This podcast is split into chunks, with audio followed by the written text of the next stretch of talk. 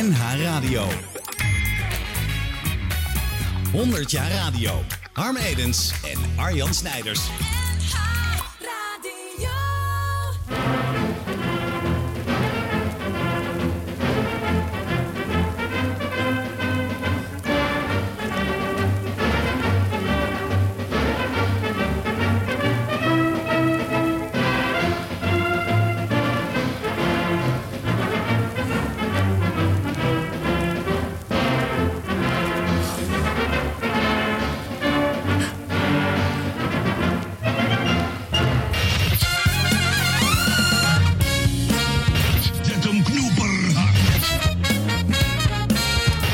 In Holland staat een huis, ja ja.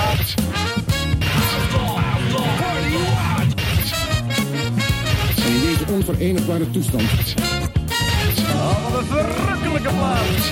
In het gejuich is opgeklonken voor Jan Jansen. Juist. Joost mag het weten. Nou, ja, ja, ja, ja, ja, ja. Nou, het gaat weer gebeuren. Ja, en we zijn er weer. We zijn er weer. Maar, Maar niet daar? alleen, niet Nee. alleen. Nee hoor. Gewoon ter linkerzijde van mij. In het huis, Leo Driessen. Leo Driessen. Ja. Ja, ja, ja, ja, ja. Nou, nou, nou, nou. Nou, dan weet je het wel. Dan gaan we het over kinderradio hebben. Ja. Leo, je bent begonnen in 1923. ja.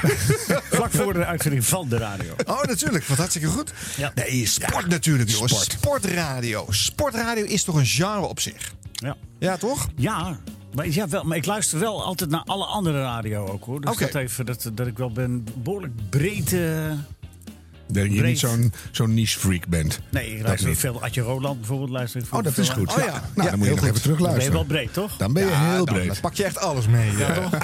Sport en Adje Roland. Ja, dan Nou, heb je het wel gecoverd. Ja. Ik dacht dat ik het daar wel een beetje mee had gezegd. Je zegt een waar ding. Als radio nou ergens voor is uitgevonden, is het wel voor sportverslaggeving, vind ik. Nou, vertel, Harm, waarom? Nou ja, ik heb ooit een keer eh, Jack van Gelder, denk ik, beluisterd terwijl het Nederlands elftal speelde. En ik was te laat thuis. Ik weet me echt totaal niet meer welke wedstrijd. Maar toen heb ik mijzelf op 181 km per uur geklokt terwijl ik over de ringweg van Utrecht scheurde. terwijl toen ik later de samenvatting zeg, was er echt geen bal aan de hand. Oh. Het was zo spannend dat verslag. Ja. Dus, nou, er was gelukkig niemand. Volkomen onverantwoord. En dacht ik, ja, dat doet radio met je. Dat sleep je gewoon mee. Dus, eh, Ja. Ja. Ik heb in 92 nog met Jack eh, de EK in Zweden gedaan. Ja, dat je maar even weet. ja, net fijn dat je er steeds van die feiten tussendoor En, gooit. en Dat, Jack, zou- en Jack had alle doelpunten. dat weet je nu nog. Nou, dat weet Jack ook nog goed. Want Oh. dat gooit hij er altijd als anekdote. Dat hij altijd zo prettig met mij gewerkt heeft. Ja. Ja. En dat hij vooral zo moest lachen bij de EK in Zweden. Want eh, had hij alle doelpunten. En toen schij- toen- maar, dus hij hij maakt dan een anekdote verder af. Dat ik dan mijn koptelefoon weggooide. En dat ik dan weggelopen zou zijn. Oh, Nou, boos dat- omdat je niet eh, de doelpunt had kunnen pakken.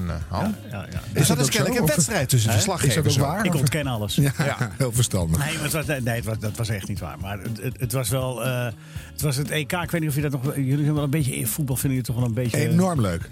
Nou, 92 was echt het, het beste toernooi wat Nederland ooit gespeeld heeft. Totdat dat ze eruit gingen. Want dat was dat is eigenlijk de eerste wedstrijd dat het echt misging. Tegen, tegen Denemarken in de halve finale. Maar daarvoor waren, liepen alle wedstrijden ideaal tegen eh, Duitsland met 3-1 winnen. En, en gewoon echt eh, fantastische potjes neerleggen. Dus eh, er, gebeurde niet zo heel veel verkeerds. Ehm, en, en ja, behalve dan dat ik bij het verslag nooit, eh, nooit doelpunt had. Eh, Maar waar was je dan? Net aan de wc? Hoe werkt dat? nou, kijk, het, het gaat. Nou ja, nee. Het, het is wel eens. eh, de- de- in 88 met het EK, toen deed eh, Jack het met Bert Nederlof. En er is later een, eh, een CD verschenen, of een, eh, zo'n zo'n cassettebandjes in die tijd nog. Ja. Met eh, daarin eh, daar, alle doelpunten van, eh, hè, van de EK. Ja. Met Starring Jack van Gelder. Ja, dan hoor je het natuurlijk. Ja. En de hele dag zo'n Bert Nederlof. Oh. Maar, eh, ehm, dus ik dacht van nou, dat ga ik toch wel voorkomen als ik in 92... Ja, ja, eh, nee, natuurlijk. dat was niet te doen. Nee. Maar hoe, hoe is dat verdeeld? Hij weet precies wanneer het gaat gebeuren. Ja, zo. hoe, want hoe nee, gaat dat nee, dan? dit ging allemaal helemaal eerlijk. Nee, maar hoe werkt dat dan? Ja. Jullie zitten allebei in zo'n hokje en dan wie, wie weet nou wanneer die wat moet gaan Nou, doen? je doet, het, je doet het grofweg zo. ehm, je, je, je praat twee, twee, tweeënhalve minuut. En dan praat je eigenlijk naar je, naar je collega Ja. toe. Ja, die stel hoort je- dat aankomen, Je die laat een beetje van, of je, Ja. of je stoot hem aan. Of, Ja. Ja. Of, je, of, of je doet dit, van ik ben er klaar mee. Of. Maar meestal ga je bijna hoekschop, weet je wel. En, het is er de, Oh, de- en. Nederland, en Nederland krijgt een hoekschop. Ja, ja, ja. Ja, maar dat deed jij dan.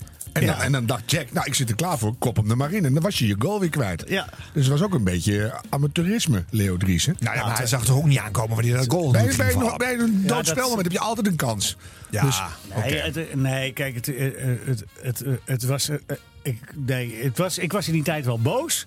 Maar ik moet wel in retro-perspectief eh, stellen dat, dat de Jack. dat was allemaal toeval.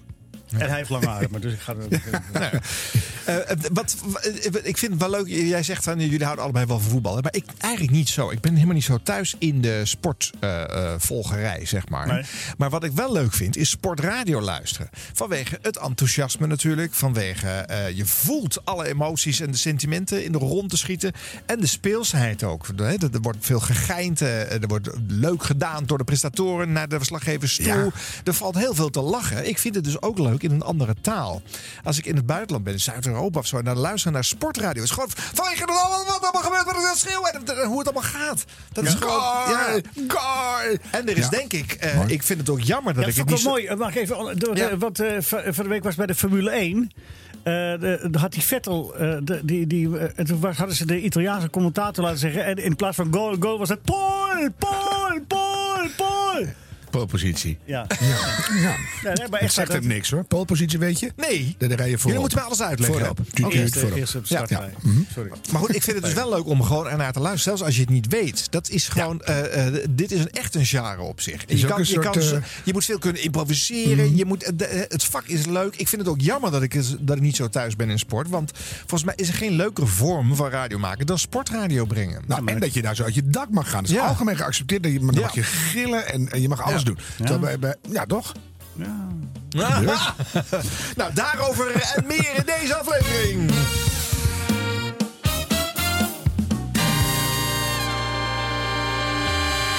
Ja, deze en komende weken eh, wandelen wij een beetje door de, de sportradio eh, door de jaren heen. In die afgelopen 100 jaar op de Nederlandse radio. Eh, we hebben af en toe wat oude fragmenten uit de archieven gedrecht. Leo, ook mede op jouw verzoek. Maar sommige ook helemaal juist niet. En dat is ook weer leuk om te horen wat jij er dan van vindt. Maar Har, moeten wij eerst een duiding van zijn carrière doen? Of zeg jij dat komt wel, vanzelf hè? wel? Nou, ik vind het wel leuk. Ja? Vooraf. Want heel veel mensen kennen Leo natuurlijk. Maar de jongere generatie misschien weer niet. Maar jij, jij hebt zo langzamerhand wel... Nou, ze horen hem Ja. nog wel Ja. geregeld. Maar dat jij zo'n enorme sportcarrière hebt, dat is wel eh, bijzonder. Waar is het ooit begonnen, Leo? Waar is het ooit begonnen? Eh, het is begonnen bij eh, Radio Lucas eh, in, de, in de jaren 70. Eh, ik, ik, ik, zat op een, ik zat bij een cabaretgroepje. Dat won ook nog in Delft Kameretten toen, in 73. Oh, hoe heette dat? Sophocles. Ja, het was dit, eh, jongens, het was in de tijd van de woordspellen. Donkey Shocking had je ook hoor. Eh, ik weet niet. Ja, die zijn dan heel goed gelukt. Maar van zoveel klets heb ik nooit meer iets gehoord. Maar Donkey Shocking heeft nooit Kameretten gewonnen en wij wel. Nee, nou ja, je mag dan kiezen wat je belangrijker vindt. Maar Ja, nou, gewoon kameretten winnen. Want die naam zeg je maar één keer. Nee, maar, eh, nou ja, ik, eh, ik was er niet bij. Dat was het. eh, ik, ik lag in het ziekenhuis toen die finale werd. eh, ik had ook maar een bijrolletje hoor. Ik reed de bus, laat maar zeggen. En Ja. ik, ik, ik zat wat in het ensemble. Maar wel een hele goede Frans van Vuren. Die won ook de theaterpersoonlijkheidsprijs. Dat ik over 1973. Je kan het allemaal nakijken. Maar ik lag dus in het Lucas ziekenhuis. En ik was daar wel trots op. Dus ik ben toen naar die ziekenomroep gegaan. Ik zeg, ik heb een mooi nieuwtje voor jullie. En toen bleef ik daar een beetje hangen. En keek van, hé, hey, radio. Ja, dat is eigenlijk wel mooi. Ja, toen was ik dus 18 en zo ben ik er daar een beetje bij die, bij die ziekenomroep blijven hangen. En, Maar eh, daarvoor had je nog nooit radio gemaakt. Nee, ja, maar, nee, nee. waar dan, Harm? Dat Ja, waar toch moet nog je dat niet dan doen? Nee, dat is ook weer waar. Nou, ik moet wel zeggen, mijn vader die, eh, die, eh, die, die was wel gek van... Die heeft een keer een hele zondag eh, geprobeerd om, om eh, uit zijn radio, zo'n ouderwetse radio... waar al die steden in Europa en de wereld Ja. op stonden... Ja, ja, geweldig. daar had hij had iets meegenomen van een winkel... en daar kon, en, eh, kon hij een microfoon aan bevestigen...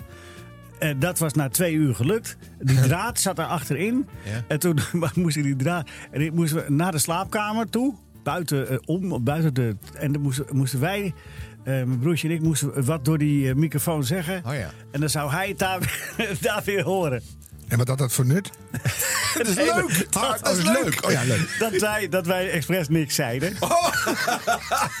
Bijvoorbeeld.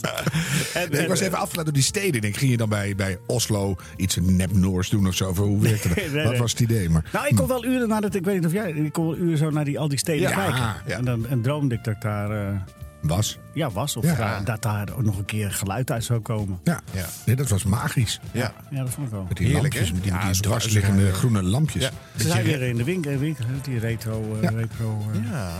Ja. En toen, de ziek- zieke omroep. Nou ja, oh, als je nou zegt, heb je nou helemaal niks. Want je had toen ook nog Stadradio Amsterdam. Mhm. Ik weet niet of dat zou misschien iets later zijn geweest. Die hadden de open microfoon, ken je dat fenomeen? Oh ja. Dat je gewoon, de- de- er Ja, stond er en dan stond kon je- gewoon ergens buiten, En toch? dan kon je wat roepen. En mijn vader daar luisterde altijd naar. En reed mijn broertje en ik die reed expres langs. En riep van, paasgek, paasgek. Je hebt, je hebt eigenlijk altijd radio voor je vader gemaakt, hoor ik, eh, in, in den beginnen. Vliegende start ook, ja. Leuk, zeg. Ja, daar praat je niet over. Nee. Nee, nee maar dat, ja, dat, dat, dat vonden wij wel leuk. Ja, nee, het heeft altijd wel gefascineerd. Omdat je, ik, ik zat ook op maandagmiddag naar eh Kleurtje Luister. En, en dan, eh, al die hoorspel, hoor, je kan me geen groter plezier doen dan met, een- met een hoorspel.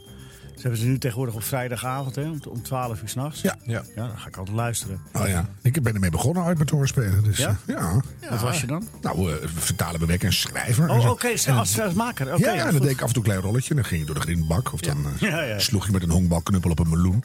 Nou, dat soort kleine subtiele... Dat kun je toch ook gewoon nadoen? Nee, dus echt, echt effect. Nee, dat ga je dan echt doen. Ja. Dat is leuk. Ja. Dat snap ik Ja, wel. jij liep ook echt door een grindbak. Jazeker. Ja, die, ja. die, die. Ja. De NCV is ook snok. Dan was die deur dicht. Ja. Volgens Jans had daar ooit een mooie conferentie over. Hè? Dat acteur, hoorspelacteurs zo raar praten. Van, eh, eigenaardig, hoe bedoelt u? Ja. Inspecteur. Paula Major. Ja. Ja. die, die hele kern die praten wel raar. Ja. Inspecteur, weet u zeker dat het lijk in de koffer verborgen zit? Laten we eens even gaan kijken. Voor de verstaanbaarheid, hè. de middengolf. eh, ja, je moest toen nog heel eh, Ja. eh, expliciet spreken, denk ik. Ik weet het niet. Die, Ja. die deden gewoon een beetje typisch. Maar dat vond je mooi. Ja. En toen, en toen, ik wil gewoon even bij jouw carrière terechtkomen. Dus je was bij die ziekenomroep. Je, Oh. Ja. je koekeloerde daar naar binnen. En toen, toen had je ineens talent of zo. nou, dat vond ik wel, ja. daar was ik wel, was ik wel van overtuigd. Ja. Nou, zo moet je beginnen natuurlijk. Nee, maar kijk, daar zaten bij eh, Radio Lucas zat ook eh, mensen als Tom Blomberg zat daar. Eh, de dikke Blomberg. En, Ja. en die had al contacten met, eh, met Hilversum. en eh, en Tom produceerde bijvoorbeeld voor Felix Meurders die nationale hitparade op zondagmorgen. En dan ging Felix als een speer daarna naar een wedstrijd van langs de lijn. En ja, ik was wel gek van, van, van voetbal. En dat volgde ik wel, ja. Dus toen ik een tijdje bij die ziekenomroep zat, toen ben ik eh, op een gegeven moment... eh, gingen wij, van Radio Lucas ook, gingen wij eh, wedstrijden volkomen nutteloos... naar het Amsterdam-toernooi in het Olympisch Stadion. Ja. Dan ging Radio Lucas, die zond daaruit. Ja. En dan ging jij verslag doen. Geen verslag doen. Ja. Maar dat is wel, dat, dat doen we zo lichtvoetig over. Maar het is denk ik bijna niks moeilijker, ook op televisie. Eh, Afsaroglu, zo hebben we nu. En die doet dat heel goed, vind ik. Maar het is hartstikke moeilijk om fatsoenlijk sportcommentaar te geven. Het- verzandt heel snel in gelul of dingen die niet kloppen. Hoe, dat heb je daar geoefend dus. Ja, ja, ja, en, eh, en, eh, ja, ja, zeker. Ja, dat, en, en zonder, zonder, ja, nou ja, we, we, waren wel, we hadden wel een scherp groepje, want Ferry de Groot zat er ook. Ja. Eh, dus Hans Hogedoorn. eh eh, Ja. Buiten is het vijf graden. We gaan vroeg naar bed. Binnen zit Fred Taket. Wat, dat zo heette die oorspronkelijk, toch? Raké. Nee, ja, ja. Ja. Maar goed, eh, de, eh, dus, en, en ook eh, Maya S. Nou, een hele bende. Die, dus, de, die connectie was er al. Dus ik hoefde zelf alleen maar de, de laatste stapjes te zetten. En ik werkte in het onderwijs. Gaf les op een school waar ook Louis Vergaal les gaf. Dus dat was ook... eh, Ja, ja. En Louis kende ik al vanaf de voetbalclub De Meer. Die, eh, die- vanaf de jeugd zo eh, Ja. toch wel min of meer. Maar, eh, en ehm, nou, toen, toen ging Felix op, ging ik een keer mee. De wedstrijd Willem II Sparta. 1980, 81, 81, 82. Een van die twee seizoenen moet het geweest zijn. En eh, eh, Felix eh, die wedstrijd gedaan. En eh, ik gaf hem steeds wat informatie over dingen. En toen kreeg je in Hilversum te horen van... Het was 2-2 geëindigd. eh, vanuit Hilversum, we waren eigenlijk al tien pak. Ja, we wilden nog wel even Louis Vergaal spreken. Ja, dat was toen in die tijd ook al niet de makkelijkste. Eh, maar ja, eh, Louis was mijn collega. Dus ik zeg zo tegen Felix... Dat regel ik wel even. Ik, die haal ik wel even uit de bus. Ja. Dus Ja. ik even zo. En toen naar de bus toe en Louis, en Louis zag mij heel verrast. En ja, die zwaaide zo. Ik zeg, kom even, kom even uit die bus. En hij komt zo uit de bus. En ik zeg, nou, ik leg het hem uit, uh, Felix, wil je wel zeggen. En dan kan je zo met zijn vingers zo op mijn eh, hoofd. Voor jou doe ik dat. ja, prima. Ja, graag. Dat is een mooie binnenkomen, zeg. Ja, dat hielp wel, ja. Ja, dan kan je gelijk op de kaart zetten. Jouw waarde eh, is meteen eh, gevestigd. Maar wanneer werd nou duidelijk dat je daar talent voor had? Niet iedereen kan dat. Nou, door, gewoon door, door het te doen. Mhm. En eh, de- ik merkte wel dat als ik voor die radio, dat, dat, dat slap ouwe hoeren, dat ging me wel goed af, ja. Vind jij leuk? Ja, ik, deed, ik, claimde ook gewoon op zaterdagmiddag bij eh, Radio Lucas een programma. Tom Blomberg zat morgens met eh, de broodkast. Vond ik ook ja, ja, dames en heren. Nee, we hebben nog steeds jaren 70, de woordspelingen. Ja, ja, ja. En eh, ik, ik deed bezoekverzoek. Dat was een chantageprogramma. Want dan ging je met de bandrecorder naar beneden. Dus dan ging, nam het bezoek afscheid. En dan zei, wil u nog even een, eh, iets eh, voor het bezoek wat u zojuist eh, geweest bent? Wilt u daar nog een plaatje voor aanvragen? Ja, dat is goed. En eh, ik zeg, maar dan moet u wel weer even naar boven gaan om eh, te vertellen dat u zo op de radio komt. Hè? Dus wij, wij, wij- zo chanteerden we eigenlijk dat, dat we luisteraars hadden. Heel verstandig. Want, ver- ja, wanneer heb je nou luisteraars in de Ja. bij ziekomroep? Weinig. ja. De meesten liggen te slapen door de narcose. ja, ja. Maar goed, toen ging je, eh, had je Felix eruit gewerkt. Ja. En op, en op een gegeven moment was je dus ineens een... eh, Nee, het ging verder. Eh, Felix die kreeg de aanbieding om langs de lijn te gaan presenteren. Omdat Willem Ruijs stopte ermee. Ja. En dus hij schoof door naar presentatie. Toen zei hij, zal ik een goed woordje voor je doen bij Jaap Hofman? Hij zei, maar dan moet je wel zelf een opname maken van wat je kunt. En toen ben ik naar de, de afscheid, de laatste wedstrijd van, eh, van, eh, de, uit de geschiedenis van FC Amsterdam ben ik gegaan. In het, eh, op Bijveld Olympisch Stadion. Ja. Amsterdam Telstar, 0-1. en daar heb ik op de tribune gezeten. En zaten ze me allemaal aan te kijken. Nou, allemaal, er waren er niet zoveel meer. En dan zat ik op- zo'n bandrecorder zat ik live verslag te doen. Weet je wel. En na afloop wat interviews gemaakt. En met eh, René Som, die bij Radio Lucas werkte, technicus daar, hebben we even een bandje in elkaar gerot. mooie Dus, mood tape, zoals ja. het nu heet. Van, van 10 En, minuutjes. ja. En eh, Toen was je aangenomen. toen mocht ik komen, ja. 1982. Zo. En, en toen heb je dat jarenlang gedaan. Ja, ook daarvoor dan trouwens wel eens afgewezen bij de KRO. Eh, die, die, hadden de, die gingen het programma De Noon Show doen. Ja. Ja, ja. Dan kreeg ik een brief terug van eh, de KRO. Van, eh, we vinden uw stem voor, niet zo geschikt voor de radio. Oh. Ja. Nou, ze bedoelde niet voor de KRO-radio, denk ik. Ik vind jouw hele instelling niet zo KRO. ik was katholiek als de pest, man. Oh. Nou, Even, even een fragmentje, jongens, uit eh, Langs de Lijn 2017, het 50-jarig bestaan. Eh Govert van Brakel vertelt daar ook iets over jou. Ik ga je heel even onderbreken, want er is gescoord in Londen. Arsenal, Crystal Palace, Leo. Ja, en, door een man die het het hele seizoen eigenlijk al heel erg moeilijk heeft. Ook niet in de basis zou hebben gestaan als eh Özil niet griepig was geweest. Ik heb het over Giroud. En hij kan bijgeschreven worden in een eh illustre rijtje. Eh, Willy Carbo, Rafael van der Vaart, Miki Darian. En nu ook Giroud, want inderdaad met de hak gemaakt. Wij zien hem Ja, nu prachtig, ook in de studio. Hoi, Ja, mooi. lat. hoi. 1-0 dus voor Arsenal tegen Crystal Palace. Dus hier mag je wel best een beetje enthousiast zijn, toch? Ja, dat mag toch, Govert? Nou, ik ken maar Leo. Er kwam eh, in 1980 een ventje naast mij zitten. Ik was ook nog maar een jong verslaggever. En toen kreeg je bij Langs de Lijn nog niet als beginnend verslaggever de Champions League finale. Omdat zoveel wedstrijden zijn en zo weinig verslaggevers. Ik begon onderaan de lijn. En ik mocht met Feyenoord Europa in 1981 zal het zijn geweest. Ongeveer. En er komt een ventje naast mij in eh, Kopenhagen op de tribune zitten. En die zegt, wat jij doet wil ik ook doen.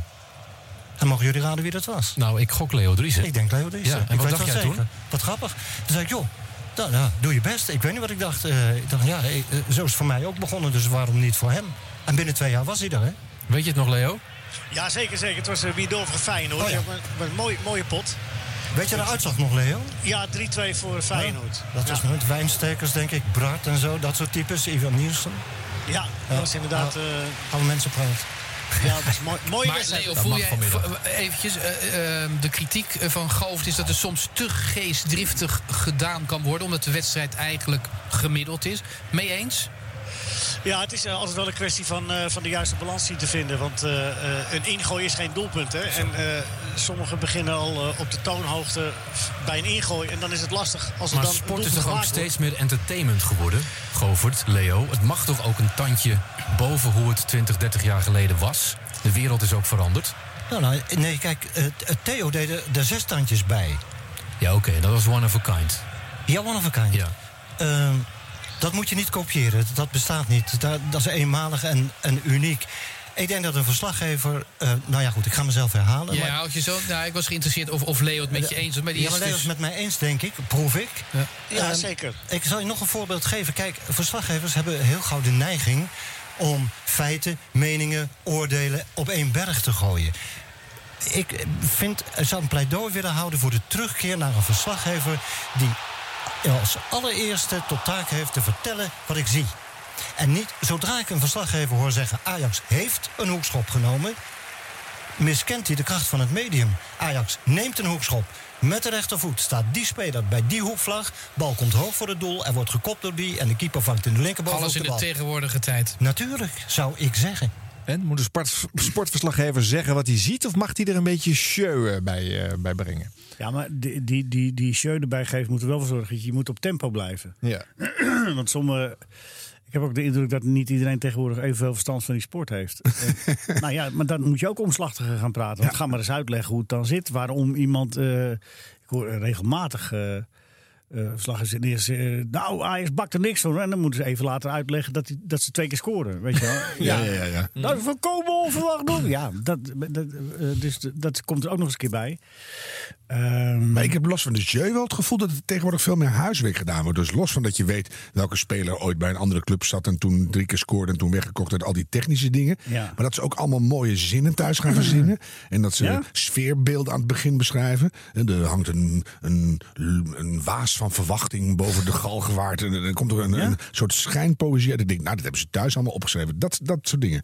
Ja, nou, ik weet niet. Eh, ehm, ik, ik, ik luister niet al, ik hoor niet altijd. maar Op zaterdagavond hoor ik het wel eens. Want dan doe ik een vroege wedstrijd voor Fox op televisie en dan zit ik in de auto eh, terug. En dan, dan. Het is zo anders geworden, want eh, je hoort, eh, omdat die wedstrijden op, over veel meer tijdstippen verdeeld zijn, is langs de lijn lang niet meer wat langs de lijn was. Nee. Er was eh, op zondag, op zaterdagavond drie, vier wedstrijden. Schakelen, schakelen, schakelen, schakelen. Snel, je moest kort zijn, afronden. En, en, en, en, en nu is het dat, dat je wel eens in de indruk krijgt dat ze op zaterdagavond denken: nou ja, we hebben maar één wedstrijd, laat het maar lullen. Hè, want eh, Ja. nog Een twee hele minuten. schakelmomenten, klopt ja. ja. En dan, maakt het, dan wordt het wel een hele andere dimensie. Dan Maar toen ik dan- eind jaren 90 op Radio 1 een programma had op vrijdag, had je ook wel eens sport.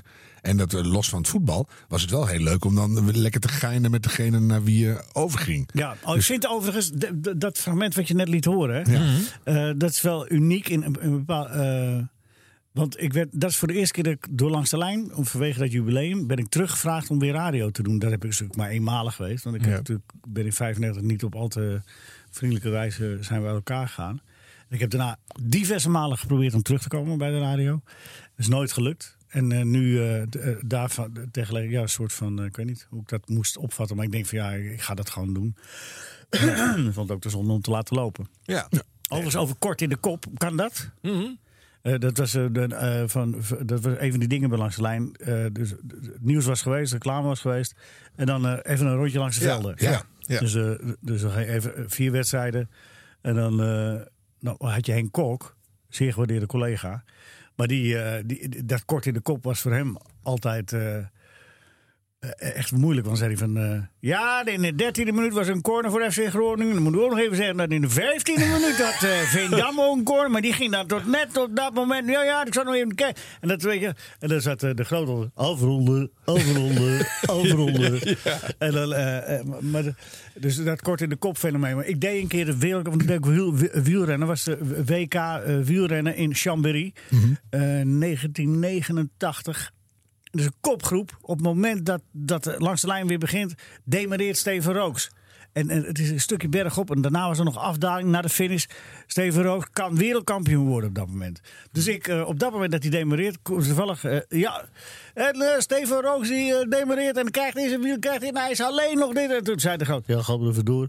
En, en toen was het, en toen kwam, en maar toen kwam Sean Kelly erbij, toen kwam Greg LeMond erbij, toen kwam er Koningschef erbij. Toen waren ze met z'n vier op kop. En, en ik zat daar maar, en ik moest maar doorlullen van dingen. En toen zag ik rechts van me kwam gelukkig Henny Kuiper aangelopen. En ik, ik zo tegen Henny, en Henny begreep het, die ging naast me zitten. En ik gaf hem ook een microfoon. Ik zeg, Henny, wat denk jij nu van deze? Dan kon ik eventjes ademhalen. Van, en, eh, zo, weet je wel. En toen was het 18 minuten later, was de finish. en, eh, van, dat- van dat viertal. Eh, Greg LeMond eh, wordt wereldkampioen. Ja. eh Koningschef wordt twee. eh Rooks wordt vierde, uiteindelijk. En eh, toen zei de grote, ja, foto wat korter in de kop. 100 jaar radio. Op NH Radio. Maar dat is precies de lol die ik ook bij het maken van sportradio eh, Ja. eh, herken. En dit zijn ook deels eh, achter de schermen gebeurende dingen. Ja. Maar je hoort de sfeer en de lol hoor je ook wel op de zender hoor. Ik vind het wel nu tegenwoordig, ik weet niet wat jullie daarvan vinden. Ik vind het, je hoort het hier ook Hugo, Hugo Borst doen. Ja. Ik, ik beschrijf hè, eh, eh, een, een, een mooi doelpunt. Kijk, nou wisten we, dit was op eh, nieuwjaarsdag. Er waren Engelse wedstrijden, ze wisten ik zit in de studio. Ja. Maar ze flikken het ook bij gewoon als verslaggevers te plekken. Zij kijken mee op een scherm en ze zitten die verslaggever Ja. te overrulen. En, en daar... dan denk ik, ja, maar jongens, dit wordt hele andere. Wat, wat, wat, wat heeft dit nou nog voor nut? Ja, Het werkt ook helemaal niet voor mij. Ik merk dan, dan, dan ga je die sfeer uit de studio. Die is bij Hugo Borst toch altijd al heel bijzonder. Ja. Om het eh, zacht uit te drukken. Het is anders. Al, eh, al dan niet met tackle. En, en, dan ga je over. En dan wil ik gewoon even in het stadion zijn. Ja. Ja. En dat werkt niet als ze dan thuisfront er nog doorheen gaan zitten mekkeren. Ja, ook, maar dit wij, zijn- wij zien het hier nu ook. Dat moet je natuurlijk niet zeggen op de Nee, radio. nee, nee, maar, nee, maar ze zeggen van, van oh, tje, ja, ja, ja. Of ze gaan al naar iemand zeggen, nou, wat een mooi doelpunt, hè. Hup, Oh, ja. Nou, dat gras voor je voeten wegmaaien alvast. ja, eh, maar weet, je krijgt, maar weet je wat je ook krijgt? Er zijn soms van die tenenkrommende... eh, Want, want dan zitten in de, in de studio... Hugo is best wel gebekt, kan best wel een aardige opmerking plaatsen. Maar dan zitten er ook verslaggevers... en die gaan dan proberen leuk terug te doen. Weet je wel? En dan, en dan blijven ze vijf kwartier lang over een grapje... wat al mislukt was de eerste keer... blijven ze maar steeds op terugkomen. En dat is zo tenenkrommend. Ja. Maar dat heb je bij alles natuurlijk. Hè. Als een, een vaste radiopresentator naar de verkeersinformatie gaat. Ja. En die zegt ook allemaal met leuke brugjes en Ja, maar ook, ook gewoon al vertellen wat er aan de hand is. Dus van, eh, oh, ja. er is een groot probleem op de A15. Hè, met een gekantelde vrachtwagen. Allemaal punaises. En dan zit iemand. Ja, nou, dat was het dan. Ja, Ja. weet je. Dus Nou. dit is natuurlijk wel de kunst van het weggeven ook. Ja, en, nou, en elkaar wat gunnen. Ja, nou, precies. Felix Meurs deed het het beste. Hè? Die zei van, we gaan over naar D&D met zijn files. Ja. Dat zei Maar even een gewetensvraag, Leo. hè. Los Ja. van, ah, je hoeft geen eh, mag, maar dat hoeft niet. Maar eh, heeft het ook te maken met of iemand in de kern echt een leuk iemand is? Want dan heb je gewoon eerder met elkaar dat je iets ruilt en iets gunt en iets terugkrijgt. En Ehm, je hebt natuurlijk mensen met een grote behoefte, die moeten alles zelf doen. Ja, nou ja, ik- ja nee, de- als, je, als je een ander mag, dan, eh, dan gaat het al een stuk makkelijker. Dat, dat, is, eh, dat is waar. En als je, als je zeker weet dat degene met wie je bijvoorbeeld een, interland samen doet, dat hij zijn uiterst zijn best doet om er wat van te maken. En, eh, en, en collegiaal is en zo, dan, dan ga je die helpen. Maar andersom, is, ik heb in de Tour de France wel meegemaakt van, van hoe heet die, eh, Jorrit Jorisma Zaliger. Helaas eh, leeft niet meer. Maar het- als je nou praat over eh, eigenwijs zijn, dan zat ik op de finish en had ik ook nog een, een stukje eh, televisie erbij. En hij zat op de motor. En dan eh, was dat de, de, de Noordag Otto Laurensen, zeg je dat nog wat? Ja. Die is ooit wielrenner geworden omdat hij met een parachute eh, verkeerd was terechtgekomen. Kon niet meer lopen, kon wel fietsen. Ehm, nou ja, maar in ieder geval, dan zat, die, die, die, die had dan wel eens de gewoonte om zo voor de peloton uit nog even in de laatste kilometers proberen weg te blijven. En dat lukte bijna nooit. Dus hadden wij altijd de grap van, ja, dag Otto. Eh, maar dat, dat deden we dan niet in de uitzending. Maar er zat eh, Jorrit op de motor. En dan, eh, zei hij, dan gingen we naar Jorrit toe. En dan was- zag ik op de tv, nou, hij is ingelopen. Hij, nou, dan kijk ik achterom en dan zie ik dag Otto Lauritsen. En eh, zijn benen blijven maar malen. En hij gaat het halen, denk ik. En, eh, en, en, en dan, ging, dan ging ik weer, terug. nou Leo, terug naar jou. Ja, Jorrit, eh, maar volgens mij wordt hij nu ingelopen. Ik denk, ga ik hem nog een keer, ga ik hem nog een keer redden? En dan was hij, eh, lag je achter, weet je, en dan toch maar dat, ja, dan is het niet, dan, dan op een gegeven moment word je dan genadeloos. Ja. Ja, maar dan, moet- dan moet het ook klaar zijn, toch? Ja. Als je het niet erg vindt, gaan wij nu met de sprint beginnen, eh, Jorrit. Ja. Weet je. Want de motor moest altijd de laatste kilometer af. Ja, kijk, in dat soort situaties, ja, dan, maar ja, ja zeker met, de- met de wielrennen kun je een hoop, eh, kun je een hoop flikken. Je kan een hoop. eh, Zo leuk toch, af en toe? Felix deed het. Om elkaar te Felix slim wist- af te zijn en zo. Felix wist bijvoorbeeld precies dat ik op de Champs-Élysées mochten we een keer op de motor, mochten we op de Champs-Élysées mee, meerijden. Mhm. Dus eh, dat is echt geweldig. Dan kon je gewoon zo'n criterium, dan ben je echt dicht bij die renners. Ja. Maar hij wist dus precies wanneer het tunneltje was, Felix. en dan naar mij schakelen natuurlijk. Dat, hè? Ja. Ja, maar dat is, als je elkaar mag, is dat geweldig. Geweldig, ja. ja. Oh, wat leuk. 100 jaar radio. Harm Edens en Arjan Snijders. Mannen, is dan voor om eh, langs een eh, reeks fragmentjes... dan komen we vanzelf namelijk over wat er allemaal wel en niet werkt op sportradio... en wat er leuk aan is en, en hoe dat ook nog zou kunnen. En eh, hè, dan, dan- dan laten we er gewoon maar zo doorheen fietsen. Laten we dat doen. Ehm, ik heb nu Dick van Rijn en Leo Pagano klaarstaan. Dit is 1948, Olympische Spelen. Moeten we dat nog verder introduceren of eh, ergens op letten, Leo, naar jouw gevoel? Nee, nee. Nou, wel dat het gewoon toen al Dick van Rijn en Leo Pagano was. Uh-huh. Ik dacht dat die toch later waren. Kun je nagaan.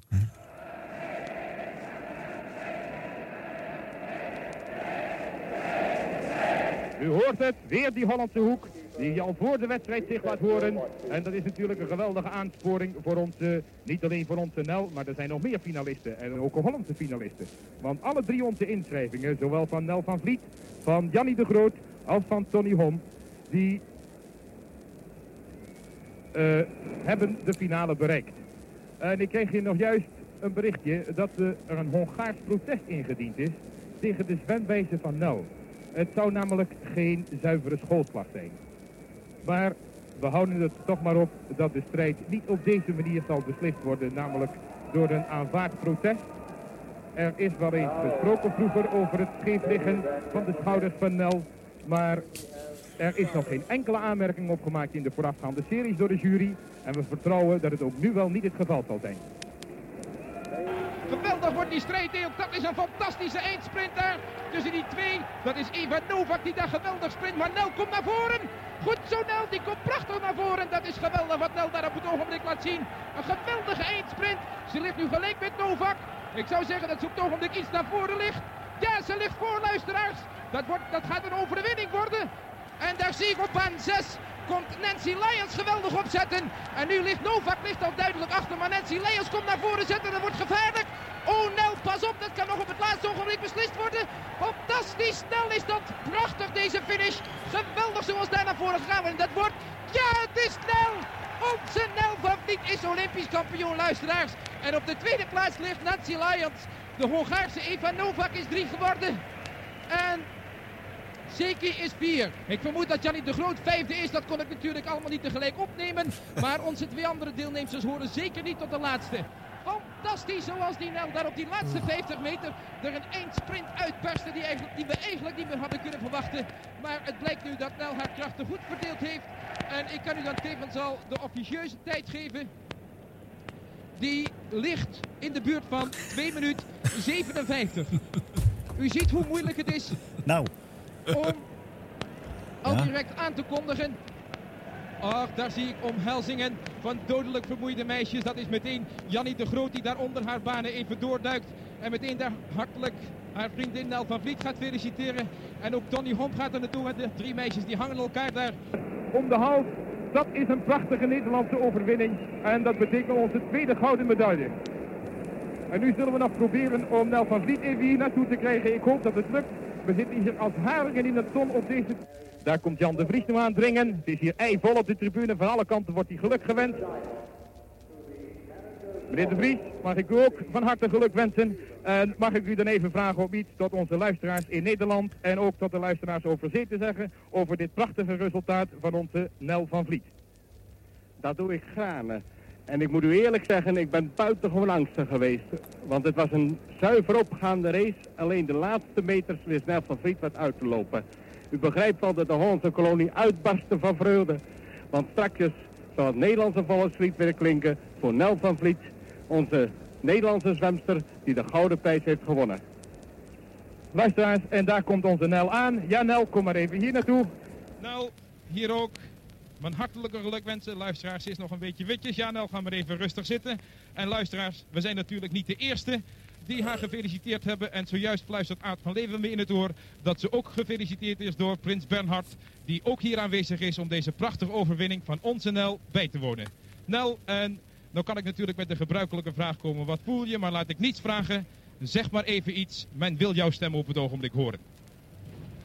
Lieve vader en moeder, ik ben zo gelukkig dat ik één ben. Ik heb er moeten voor, voor moeten vechten van heb ik jou daar. Ik was dus net zo moe als in Monaco. Ik vind het echt gezellig en fijn. En Prins Bernhard die heeft me nog de hand gedrukt en zo. Oh, ik ben echt gelukkig. Fijn ik vind het heerlijk dat je in dit belangrijke ogenblik van je sportleven het eerst aan je ouders denkt. En ik geloof dat je moeilijk andere woorden had kunnen vinden die ons prettiger zouden stemmen. Nogmaals, mijn hartelijke gelukwensen. Prachtig, hè? Nou, ja. Geweldig, toch? Maar dat verslag, hè, van dat, dat is toch... Want we, we, we eh, roemen terecht Theo Komen. Mhm. Maar Leo Pagano... En geen zin verkeerd, hè? Nee, het is zelfs nu nog spannend. Vind je ja. niet? Ja, absoluut. Nou, ik vond het echt, eh, dat vond ik echt van. eh, van eh, en ja, die interviews. ik- ik- je ziet ook wel eens. Uit die tijd eh, d- die, die- dat de minister eh, terugkwam uit het eh, verre eh, Ja, eh, ja, ja. West-Indië. Excellentie. Excellentie. Ja. Gaat u even Ja. enkele woorden voor het volk? Ja. Weet je wel? dat is wel een beetje een cliché in die tijd waarschijnlijk. Maar je merkt ook eigenlijk het grote voordeel van het gebrek aan mediatraining. Ja. Want iemand zegt gewoon heel erg, ik ben heel gelukkig. Dan Ja, zou je dat- dag vader en moeder. Ja, Het is gezellig. Ja, ik vind het echt... Ja, En Prins Bernhard erbij ik vind het superleuk eigenlijk. Ja, Nee, maar het, het, het geeft wel weer. eh dus met name Leo Pagano en ook Dick van Rijn. eh, ja, dat waren toch wel iconen. Eh, Die konden, wel, die konden wel de ene zin naar de andere uitbraken op een fatsoenlijke wijze. er kwamen hele zinnen uit. Ja. Hele goede zinnen. En het was niet apenkool. Nee, en dat is tegenwoordig wel eens een beetje anders, sprak hij, de oude lul. Nou, ik je hebt een punt, want ik zeg wel eens, ik zet wel eens gewoon het beeld uit en dan luister ik alleen naar het voetbalcommentaar op tv bijvoorbeeld. Daar zitten hele rare zinnen tussen. Ja. Je had het ooit bij eh, wel Herman Tjuiphof, die dan eh, bij Eurosport, was hij waarschijnlijk aan het dementeren. Want toen was het eh 1-0 in de eerste set bij een tennismatch. En dan zei hij, Oh ja. de tiebreak komt eraan. En dan dacht ik, en, en, ja, dus eh, dat ging nergens meer over. Dus eh, dat heb je af en toe hoor. Dat het echt, helemaal, helemaal in zijn nadagen. Maar Denk dat- ik, ja. moeten we hem niet op. Hij heeft natuurlijk wel geweldige. ja. Maar het leuke is ook, dit hier is eh gepioneerd natuurlijk hè, in deze Ja. fase. Ik denk dat eind jaren 30 de live sportverslaggeving voor het eerst op de Nederlandse radio te horen is geweest. Er was niet zo heel veel live, live op de radio. Hè. Nee, het, het was allemaal, het werd gepresenteerd en er was live muziek in een studio. En er waren statig wel en spelende plechtig. toestanden. Maar eh, ja, en hier eh, wordt voor het eerst echt... eh, Nou, ja, als je die, die, ik weet niet of je daar nog iets van hebt. Ik kan dat later nog van Han Hollander iets gevonden hebt. Van, eh, Goedemiddag, dames en heren. Hier zijn we dan weer in het Olympisch Stadion in Amsterdam om onze zoveelste voetbalwedstrijd te verslaan. Ik zit weer in mijn kooitje bovenop de overdekte tribune en heb van hieruit een prachtig uitzicht op het terrein. Het belooft vanmiddag uiterst interessant te worden. Hm, Maar het is al niet meer nodig. De scheidsrechter heeft afgefloten en de wedstrijd is geëindigd. 1-0 voor Nederland. Wie had dat bij de aanvang durven denken? hij was de eerste. ja. En hij bracht de, een hele wedstrijd, en dan liefst ook nog een Nederland-België, die bracht hij bij ons thuis. Ja. Hè, bij de radio-ontvangers. en dat was ook lang niet iedereen. Dus er zaten gewoon ook, zoals later bij de televisie, mensen om een toestel gekluisterd. Ja. En, eh, en, en te luisteren naar eh, wat, wat Han, Han Hollander eh, zei. Maar dat was een. eh, merkwaardig. Daar gaat een bal van de linkerkant helemaal naar de andere kant gespeeld. Daar moeten de heren dan weer achteraan hollen. Hetgeen ze in gestrekte draf doen. Het is al met al, dames en heren, tot nu toe, na zo'n 17 minuten spelen, hier in de Boshuil in Antwerpen, nog altijd 0-0. En de heren doen hun best. Nou ja, dat, zo, zo. Maar je geen ander voorbeeld dan misschien wat eh, buitenlandse commentatoren Ja. eh, afluisteren, zeg maar. Hè? Dus, ja. Maar die Dick en Leo, die weten dus eh, na de oorlog daar wel iets van te maken. Dus waar, waar zou dat verschil ontstaan zijn, denk jij? Eh, Olympische Spelen, dat Ja. fenomeen. De, de clustering van veel sporten Mhm. tegelijk. En, eh, en eh, ook meerdere sporten achter elkaar. De- de- in 48 was natuurlijk ook eh, hè, de, de, zeg maar, eh, de eerste Spelen weer na de donkere jaren. ja, ja. En eh, het grote succes van eh Fanny Blankers. Maar dat komt Nou, daar gaan we ook nog even wat van luisteren. En luisteraars, zo even is dan de loting bekendgegeven van de baanvolgorde. En we zien dat mevrouw Blankers-Koen de binnenbaan gelood heeft. We zien de oranje broek heel fel achter zitten. Fanny Blankers-Koen in de binnenbaan. De starter staat met zijn geweer omhoog en daar zijn ze gelijk weg. Fanny Blankers-Koen raffelt prachtig. Tik, tik, tik. Mooi over die baan heen. Heeft op het ogenblik nu voor Strickland Australië te pakken. Komt op het ogenblik de bocht uit. Ligt daar gelijk met Walker Groot-Brittannië. Ze liggen prachtig één gelijk aan één stuk. Op het ogenblik is ze de leiding. Ze heeft de leiding. En op de tweede plaats zien we juffrouw Strickland. Op de derde plaats komt dan juffrouw Patterson Amerika naar voren. En luisteraars ze is vlak bij de finish. Er kan praktisch niets meer gebeuren. We hebben onze derde gouden medaille. Datgene wat nog nooit gebeurd is in de historie op atletiek gebied. We hebben een vrouw die de derde plaats veroverd heeft. En daar komt een hele kleine jongen. Die komt het verboden terrein opzetten over dat groene taluut. Met een bosje bloemen. Het lijkt eigenlijk meer op een eh, bos rabarber. Ik kan het niet goed zien of het groen is of wat het is. En daar komen weer alle mogelijke officials naar naartoe. Dat is al dan voor de derde keer. En dan worden weer de bekende handen gegeven. En zij loopt, ze loopt op het ogenblik. Ja, er komt weer een, ja, daar komt die juffrouw van Zuid-Afrika, de juffrouw Rob. Die komt daar naar naartoe, die feliciteert haar. Luisteraars realiseerde zichzelf dat goed. Fanny Blankers-Koen, haar derde titel. Nadat zij de 100 meter gewonnen had, de 80 meter horde, heeft zij nu de derde zegepraal veroverd. Voor de derde maal de 200 meter. Een nummer wat wij nog nooit op de Spelen gezien hebben. Maar wat er nu voor het eerst op de Spelen is geweest voor dames. En haar derde titel heeft zij veilig gesteld. 692, Blankers Koen, Holland. Je hoort het luisteraars. Blankers Koen. Time 24.4 seconds.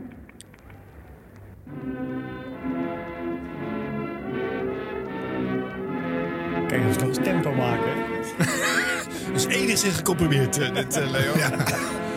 Dit kon nog wel even iets langer duren, het echt natuurlijk. Oh, het klinkt overigens allemaal erg goed, hè? Peter Knecht is woordkunstenaar. Ja.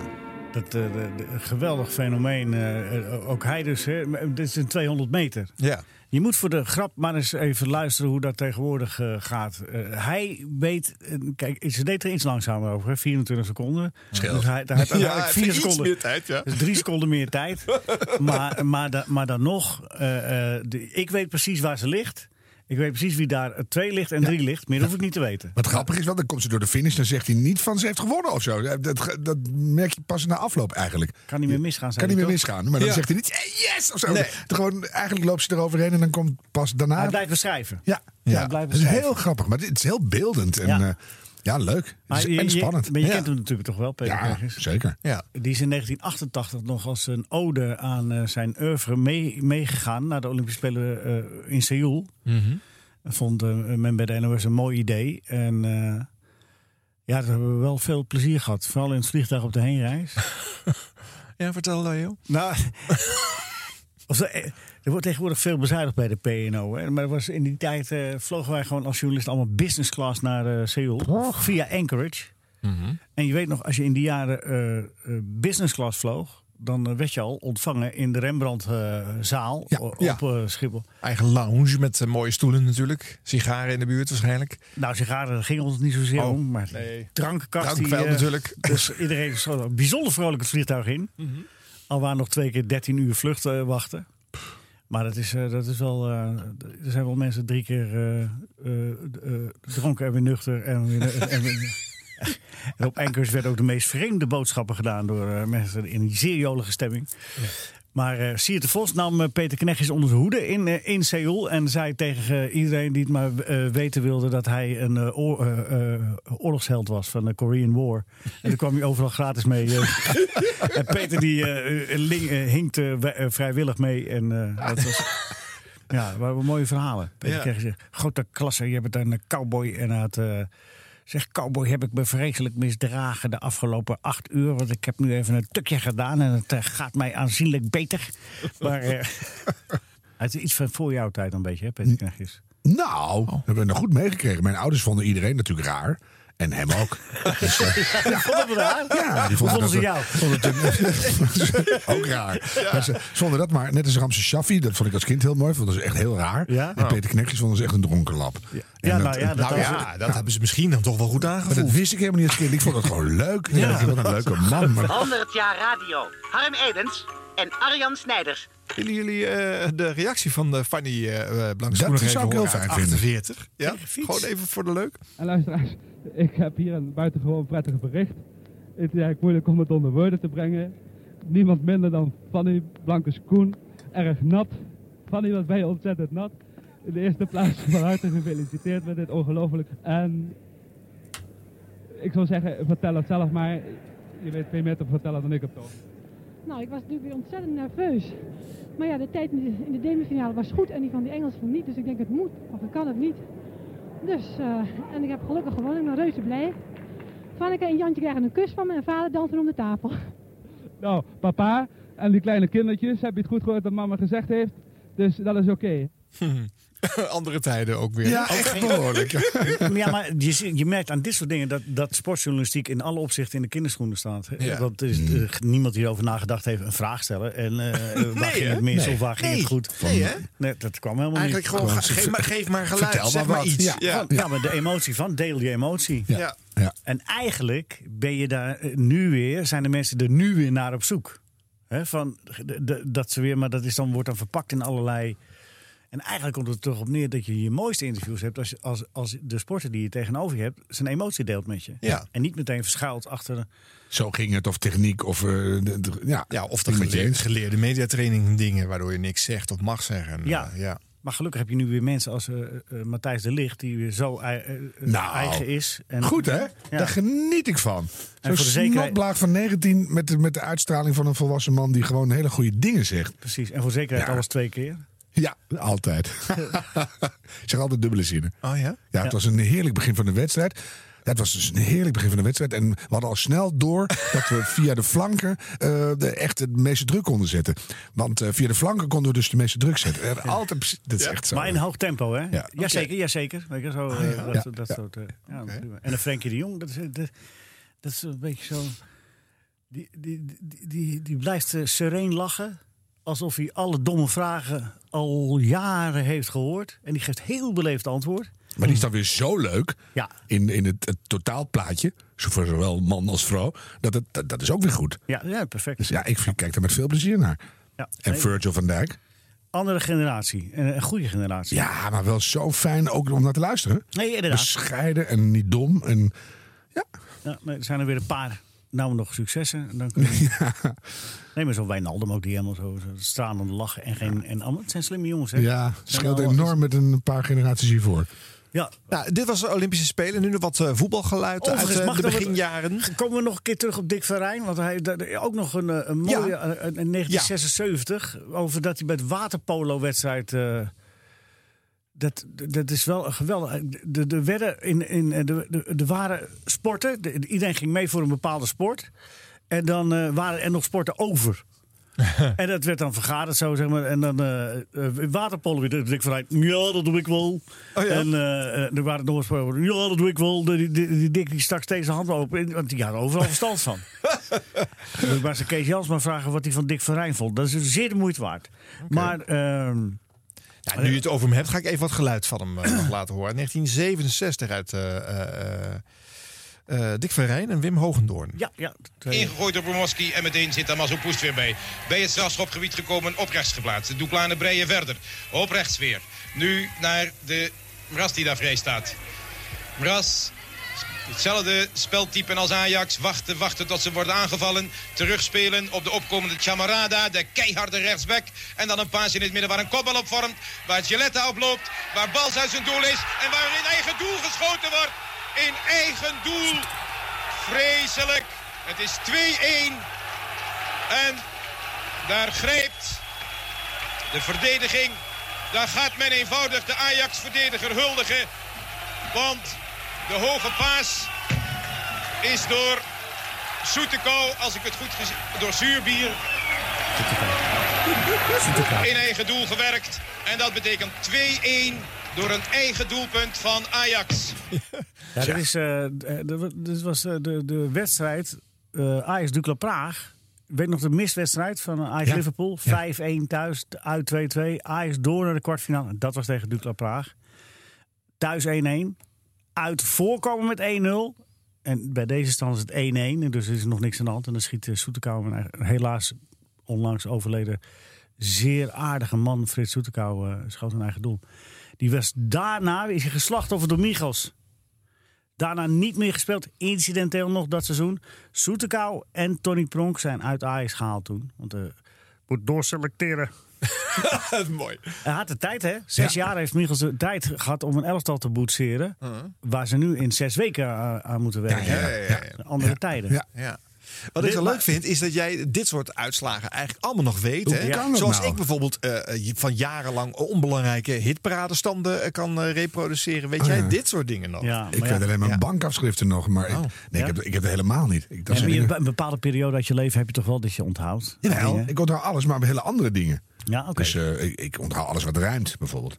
Nou ja, dit geheel te hebben. Maar, Hmm. eh, nee, maar, maar, maar hoor je hoe... Dit zou niet meer kunnen, hè? Tegenwoordig. want? Nou, te- tempo is er totaal uit. Ja. Maar je ziet wel in vergelijking met 48 dat het weer veel volwassener is al. Ja. Dus ik vind het al wel, die stem is wat ronder, minder gepiep. En je, je Ja. bent wel echt op het veld. Maar Dick van Rijn kwam eh, met... maar dat vond hij dus zelf van niet. Maar in zijn radiocommentaar kwam hij gewoon... Als hij voetbalverslag... je Sommige commentatoren die zijn beschouwend beter. En die kunnen perfect een, eh, een honkbalwedstrijd doen. Of een basketbalwedstrijd doen. Waarbij je dus niet de score... Niet actuele... De, hè, Mhm. maar, maar gewoon moet beschouwen hoe het een beetje gaat. Een tenniswedstrijd is ook beschouwend commentaar geven. Ja, Maar zodra het erop aankomt om de, eh, de bal te volgen... of de actualiteit te volgen, de 100 meter te doen... dan, dan wordt het een ander verhaal. Ja. En je merkt dat hij daar ook tempo tekort komt. Ja. Ja, daar denk je helemaal niet over na, maar dat Nee, is natuurlijk zo. dat is waar. Als je een tenniswedstrijd beschrijft, kan je het moeilijk zeggen. Nou, met die steuven staat weer klaar. Ze gooit met de, met de linkerhand Ja. de bal op. En ze haalt uit. eh, precies door de tramrails. Allemaal, dat, dat is niks. Nee. Dus dan ben je veel meer met, met de beschrijving bezig. Ja, ja. dat is waar. Ja. En, en dit is, eh, moet heel spannend. Tak, tak, tak. Waar gaat die bal heen? Ja, en hij, je ziet dat hij, dat hij beeldend, eh, beeldend verslag doen, dat is lastig. Hij gaat van naam tot naam. En dat is goed. Maar eh, hoe die Ajax-verdediging er nou precies bij staat ineens is. Die bal daar, eh, eh, daar, daar ben ik helemaal niet... Nee. Dat zei Jaap Hofman altijd, zo langs de lijn deden. Plaats, plaats, plaatsbepaling. Waar ben je in de wedstrijd, weet je wel? Eh, dus altijd noemen waar je bent in het veld. Dus En dan nog thuis, ik doe het op de radio wel eens als ik in de file sta. Probeer ik dan die wedstrijd voor me te houden. Dat is toch nog heel moeilijk hoor. Ja. Je, je pakt eigenlijk meer de sfeer van, oh ze zijn in het strafschopgebied. Gewoon de, Ja, dat moet je kunnen horen. Ja, dat, dat, dat, dat snap ik dan nog wel als ik luister. Maar het is best moeilijk om dan te denken, waar gaat die bal nou heen? En, eh, maar goed, als het maar spannend is, vind ik altijd. Ja, Dan, eh, maar jij bent gauw tevreden. ja, eigenlijk wel. Ja. Nou ja, nee, maar het is wel zo. Dat, dat is wel een, een, een, een, een voorwaarde. Hè? Dat, je daar, dat, je, dat je dus wel. Want als je in de jaren dertig en zo, wat, wat ik net zei over Han Hollander. Het was, hij was de eerste. Dan is het wel lastig om precies dat, om het zo te brengen. Maar men was er al tevreden mee. ja, maar het was niks anders. Dus, eh, nee, er zijn, maar er zijn betere gekomen. Ja, we kwamen bij Dick omdat wij even een sprongetje maakten. Maar ik wil nog heel even wat geluid uit 1950, rond 1950 laten horen. Eh, Dos in het Goffertstadion, eh, een voorbeschouwing. Even luisteren hoe dat dan eh, rond die tijd klonk. Is het oudste voetbalgeluid wat ik hier nu eh, vandaag eh, bij me heb. Dus. Met de uitbreiding van 5000 zitplaatsen zullen zondag in het Goffertstadion te Nijmegen in totaal 38.000 uitverkorenen dit topgebeuren te zien krijgen. Laat ons in chronologische volgorde enkele vergelijkingen trekken tussen Enschede en DOS. Eén ding, beide clubbesturen zijn het volledig met elkaar eens wat de leiding betreft die in handen is van Leo Horn. Horn die als het moet een wedstrijd kort kan houden, maar die geen stakessel vormt als beide teams in hun spel komen en werkelijk gaan voetballen. Hij is de man met de grote verdiensten in die omstandigheid kleine onopzettelijke overtredingen weg te kunnen wuiven. Enschede vertrekt zondagmorgen naar Nijmegen. De spelers hebben dat zelf zo gewild. Alleen vanavond zijn ze ergens bij elkaar om van het hinderlijke geloop op de deur, zoals men dat in Twente zegt, af te zijn. Dos daarentegen is gisteravond 7 uur met manager Piet Makai en trainer Grober met geheime bestemming naar de Veluwe vertrokken en ze zijn dus geconcentreerd in quarantaine. De opstellingen kregen we vlot te pakken en op dit punt geen geheimen. Daar gaan we dan, van rechts naar links. Bij Dos in het doel Frans de Munk, achter Nachtegaal Okhuizen, midden Temming, Kraai, Louis van de Bogert, voor Wimpy Visser, Kromert, Lammert, Lammers, Van der Linden, Luiten. Bij Enschede onder de lat van der Wind, achter Bussers, Odentaal, midden Schaap, Weustink, Brouwer, voor Modderjonge junior en rechtbinnen, let wel luisteraars, Abel Enstra en vervolgens Onk, Voges, Van der Wel. De supporters. Enschede gaat met 25 bussen, bemand met 1100 supporters, zondagmorgen van huis. Alle verkeersfaciliteiten, zowel voor onderweg als voor een vlotte aankomst in Nijmegen, zijn getroffen. DOS charterde een speciale trein voor Nijmegen. Zowel uit Enschede als Utrecht komen naar schatting 12.000 voetbalfans naar de grote slag kijken. Toen Enschede 32 jaar geleden ongeslagen kampioen van Nederland werd door 31 mei 1926 MVV thuis te kloppen, was het niet bekend dat hetzelfde MVV 32 jaar en één dag later de opmars van Enschede zou stuiten door de sportclub met een 2-1 nederlaag naar Twente te sturen. Het clublied, dat 32 jaar geleden werd gecomponeerd, begint met Makkers, gaat uw lichaam stalen. DOS wil bij een eventueel landskampioenschap een nieuw clublied ten doop houden op de vlotte cadans van...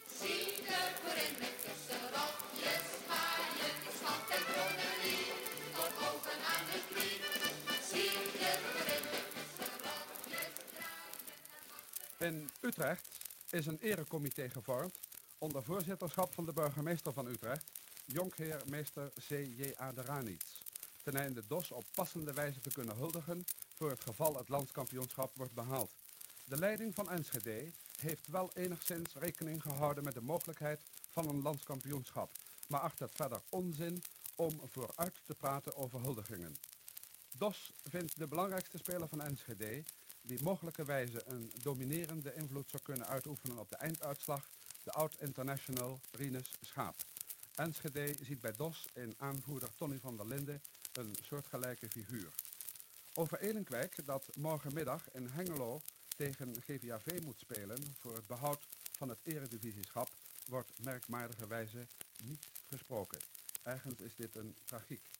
Voor Utrecht dus, Enschede en Groningen, morgen een belangrijke sportdag. Wat ons betreft, we hopen dat de sterksten zullen winnen, zowel wat het kampioenschap van Nederland betreft, als voor het behoud van het eredivisieschap.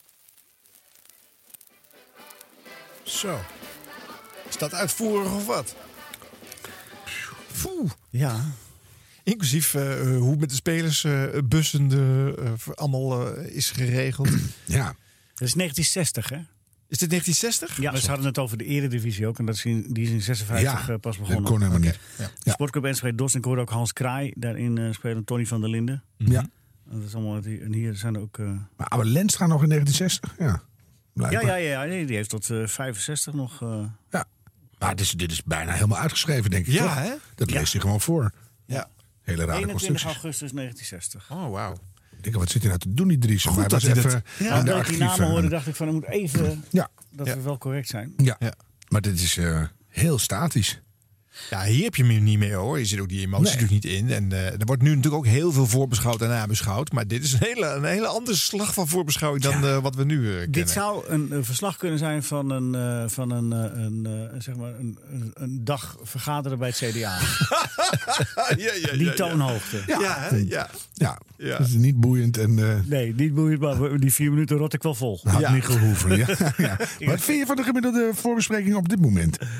Dus, Wat, wat? Kijk je daar überhaupt naar? Naar? Dat, dan zitten weer van die mannetjes en die ex-spelers en die oudspelers. Die zitten dan weer allemaal voor te beschouwen. En ik, ik denk altijd, nou la, maar ik ga altijd wat nuttigs doen tot de wedstrijd begint. Het is een behoorlijk gesloten vraag dit, hè? Ja. Maar, eh, dat je- maar je, je mag er gewoon tegenin gaan. Dus. Ja.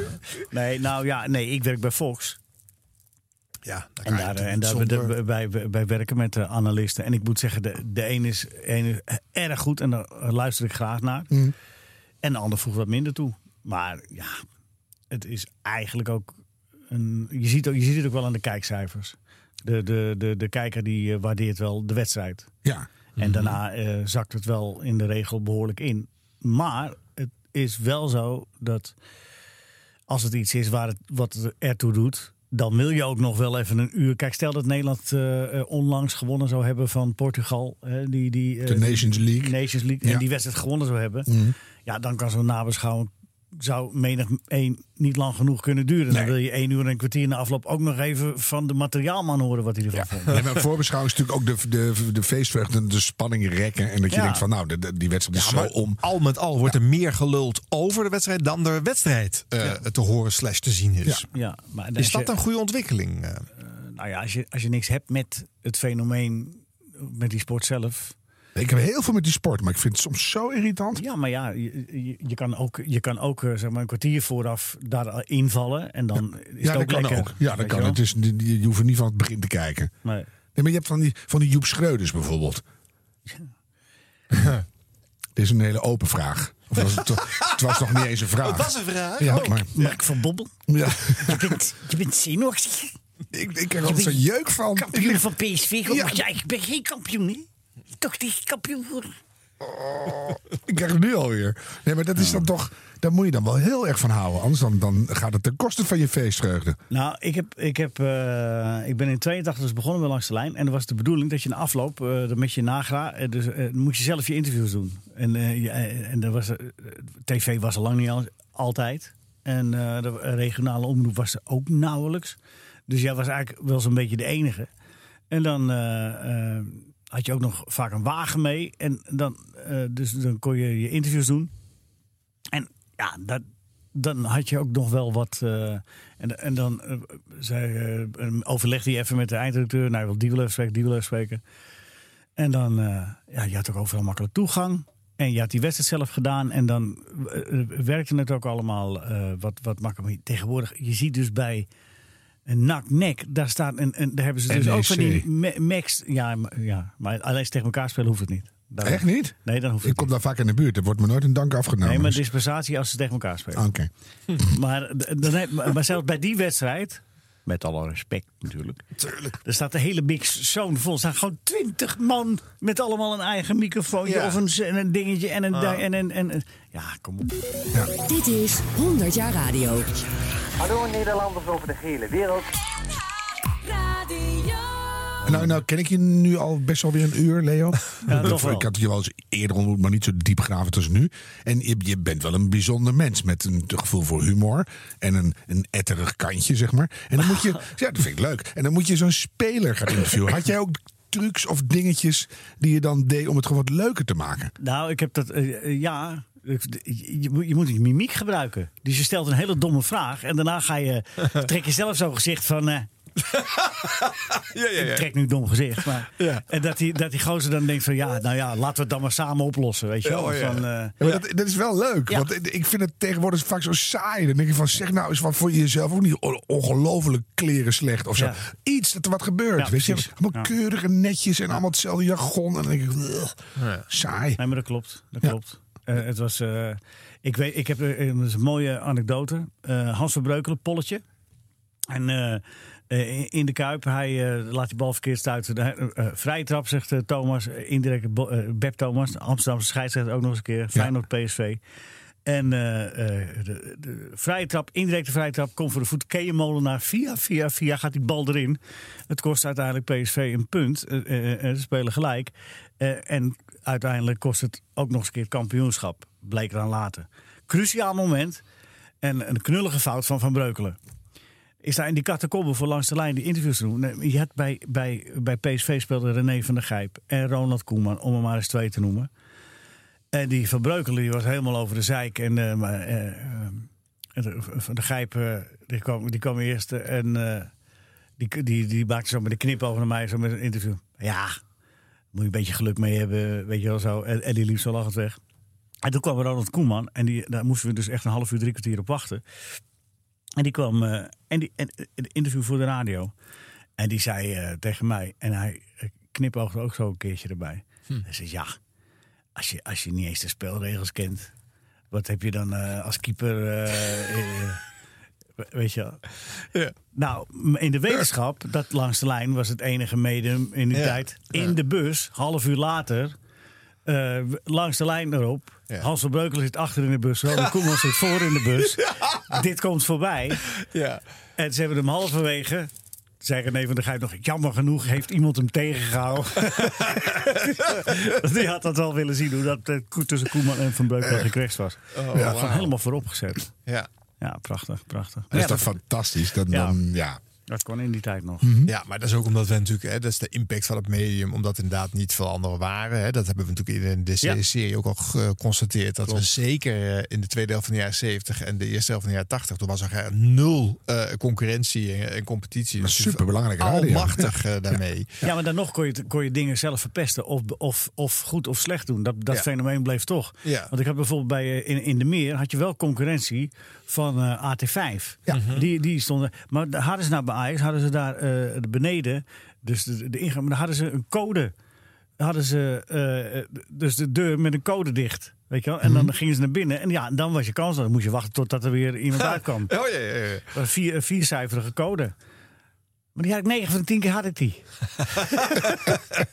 van deze of gene. Dan kon je gewoon mee. Ja, nee, de, de, de deur dicht. En dan tikte ik hem in. En dan stond ik daar ook in de ingang. En het was vergaal trainer daar. Zei, hij, Hoe heb je dat nou weer geflikt? nou ja, maar dan kreeg ik wel als eerste het interview. weet je wel. Tuurlijk. Dat Ja, dat hoort er eh, toch bij. Je kon moet het wel weer Ja. waarderen. Ja. Ja, natuurlijk. Eh, mannen, volgende week verder, want eh, er is nog heel veel meer leuks. En eh, mooie fragmenten. Ja, natuurlijk. Eh, vandaag eindigen we met een, eh, een wat uitgebreider stukje van Dick van Rijn en Ben Hoogdoorn uit het jaaroverzicht van 1967 op eh, eh, Hilversum 1 uitgezonden. Philip Bloemendaal presenteert dat. En daarom wilde ik het toch even laten horen. Want de man van het Polygoonjournaal, die bent natuurlijk vooral van zijn opgewonden, bijna sportachtige toontje kennen, is als radiopresentator een stukje rustiger. Graag tot het volgende rondje. Het jaar draait voorbij. 1967 in 60 minuten. Op sportgebied begon het jaar met twee Nederlandse wereldkampioenen. Allebei schaatsers, Kees Verkerk en Stien Keizer. Ajax werd uit de voorronde van het Europa Cup toernooi gewipt door Dukla Praag. De voetbaltransferperiode verliep rustig. Er is armoede in het Nederlandse voetbal, dat is een duidelijke zaak.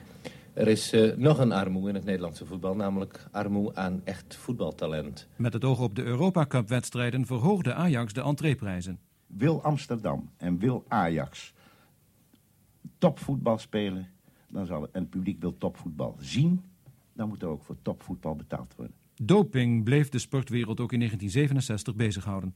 Dat bleek onder meer bij de nationale kampioenschappen wielrennen. Een opvallende gebeurtenis bij deze controle was het feit dat de landskampioen Eve Dolman eh, heeft geprobeerd eh, in plaats van zijn eigen urine andermans urine te, te lozen. Waarbij ik hem voor hem helaas op heterdaad heb betrapt. Het jaar werd nog goed gemaakt met een mooie overwinning op Rusland. Wim Hogendeuren. De Nederlandse sportliefhebber mag, gezien de mogelijkheden en de omvang van het Koninkrijk, niet ontevreden zijn over de verrichtingen van zijn helden in 1967. Een handvol hoogtepunten. Drie gouden medailles bij de wereldkampioenschappen wielrennen op de baan. Een tweede plaats voor Jan Jansen in het wegkampioenschap, plus de groene trui in de Ronde van Frankrijk.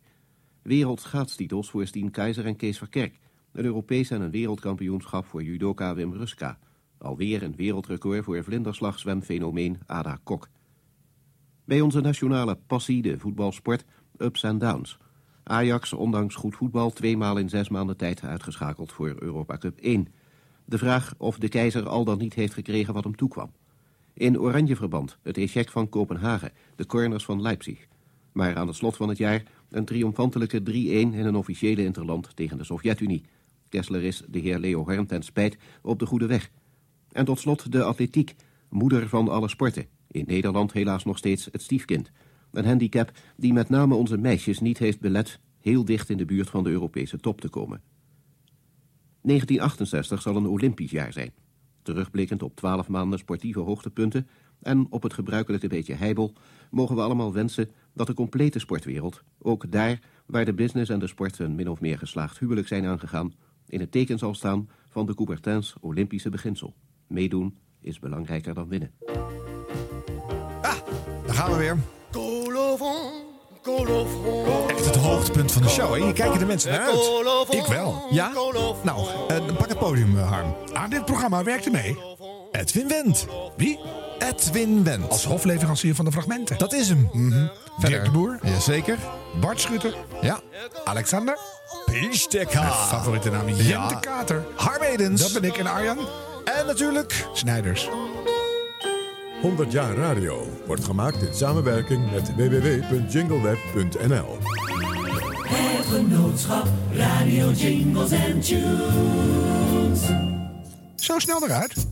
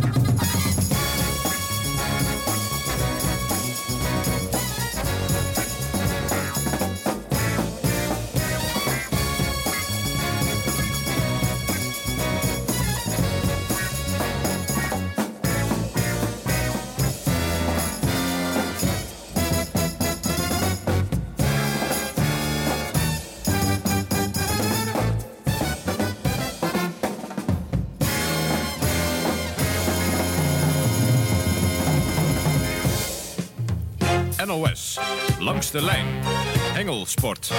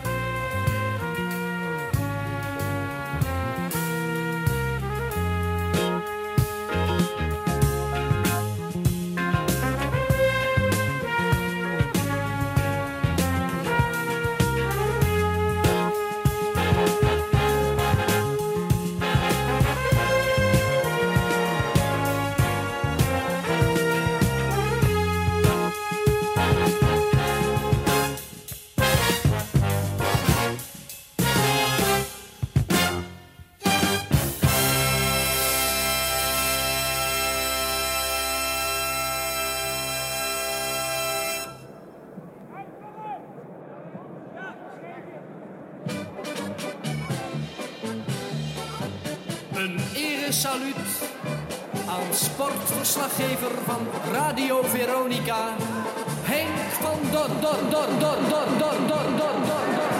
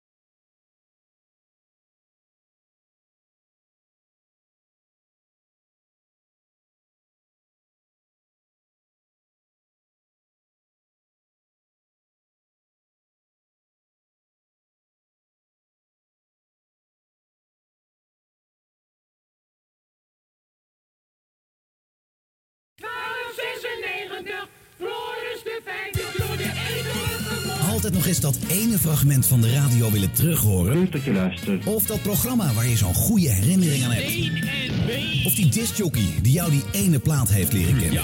Ja, dit is weer een nieuwe plaat, geloof ik. Deze zomer hoor je de verzoeken terug in de serie 100 jaar radio. Met Harm Edens en Arjan Snijders. Het tweede gedeelte van de Havenbouwshow. Jouw favoriete fragment meld je aan via radio.nhradio.nl radio.nhradio.nl Kom op!